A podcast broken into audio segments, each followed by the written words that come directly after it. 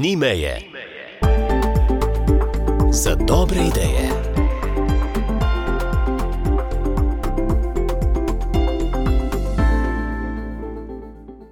Deos je družinsko podjetje in največji zasebni ponudnik institucionalnega varstva starejših v Sloveniji in danes zagotavlja nego in skrb več kot 1400 starejših, nastanjenih znotraj osmih Deos centrov starejših po državi. Vedno pa spremljajo aktualne potrebe starejših in na nje odgovarjajo z inovativnimi strokovnimi rešitvami. In ker se ravno zaključuje eden od zanimivih in inovativnih projektov pod okriljem Deosa, smo pred naš mikrofon povabili direktorja družbe, gospoda Miho Kranca, da nam pove več o tem. Lepo pozdravljeni. Lepo zdrav. Pred kratkim ste predstavili sadove pilotnega projekta bivanja starejših na kmetijah. Odkot ideja za tak program varstva starejših? Ta ideja obstaja že dalj časa, skoraj deset let, verjetno. O njem že dalj časa razmišlja Ministrstvo za delo, družino, socialne zadeve in enake možnosti skupaj z Ministrstvom za kmetijstvo. Tudi organiziran je bil pred časom ogled teh praks v tujini, ki že obstajajo, vendar potem je pa zgodba dalj časa zamrla, dokler ni prišel razpis Ministrstva za kmetijstvo za diverzifikacijo dopolnilnih dejavnosti na kmetiji kjer smo ga tudi zagrabili z obemi rokami in postavili ta naš projekt, ki, ki pilotno testira vzpostavitev te nove storitve bivanja starejših na kmetiji. Za nas je izredno zanimivo, vedno smo pripravljeni v bistvu razvijati naše, naše delo, naše storitve in, in področje skrbi za starejše. Program je potekal tri leta. Koliko starejših je bilo vključenih v ta projekt, katere skupine starejših? Uh, projekt traja tri leta, tako kot ste rekli, uh, je pa obsegal več faz. Torej, v prvem letu so se predvsem uh, postavljali pogoji za kmetije, uh, pogoji za izvajanje storitve na kmetijah, uh, izobraževale so se kmetije. No, nekje v drugem letu pa smo začeli z izvajanjem, seveda malo okrnjeno, ker, prav, uh, ker se je pojavila mm. epidemija COVID. Ja. Tako da je bilo veliko neznank. Um, tako da večina je bila v drugi polovici drugega leta, in pa uh, tudi zdaj v tretjem letu. Um, izvedli smo več deset namestitev, takšnih in takšnih krajših, teh je bilo več, uh, kar nekaj pa takšnih, kjer je šlo za daljše namestitve, tudi več mesecev.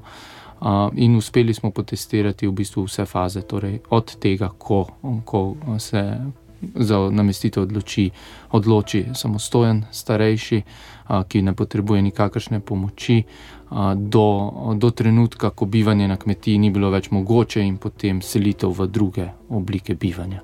In prav, in prav to je bil naš cilj, torej, torej identificirati, kdaj je za starejšega primerno. Takšno bivanje, in kdaj in kako urediti v bistvu Um, tole spremljanje stanja uporabnika in pa, potem, uh, in pa potem ukrepanje v primeru nekega poslabšanja stanja. Kakšne so bile koristi tega programa za starejše? Je vendarle drugače bivati na kmetiji kot v domu za starejše ali pa biti v domači oskrbi?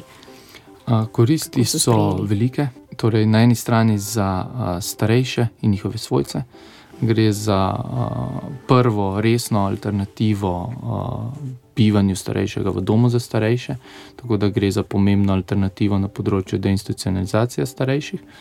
Sicer namenjena je storitev samostojnim starejšim, uh, v tej fazi je, bilo, je šlo samo za bivanje starejših.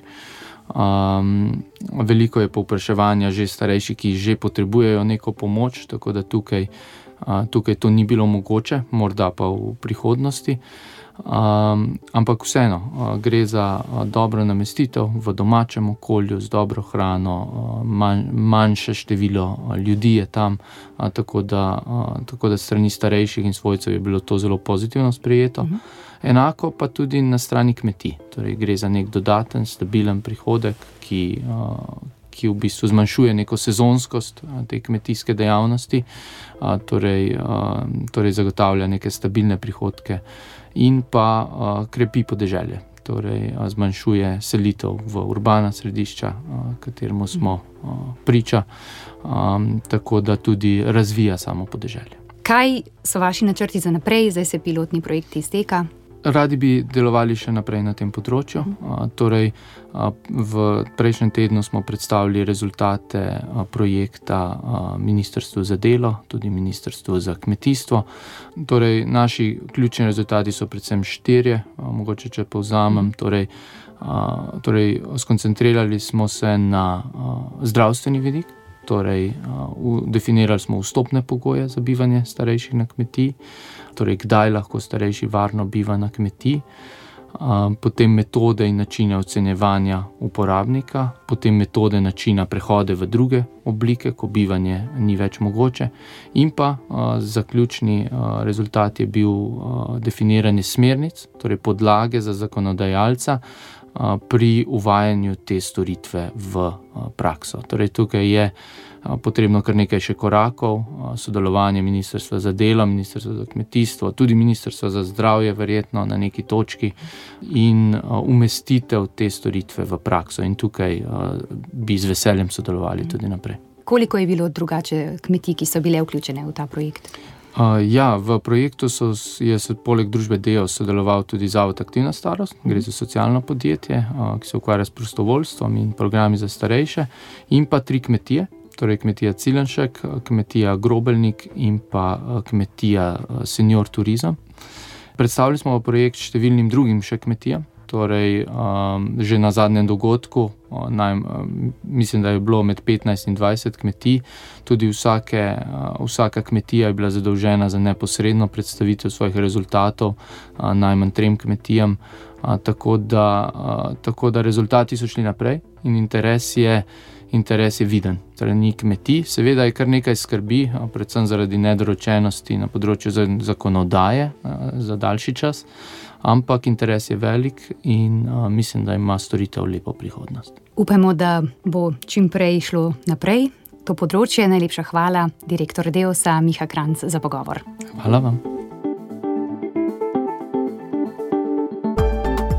Ni meje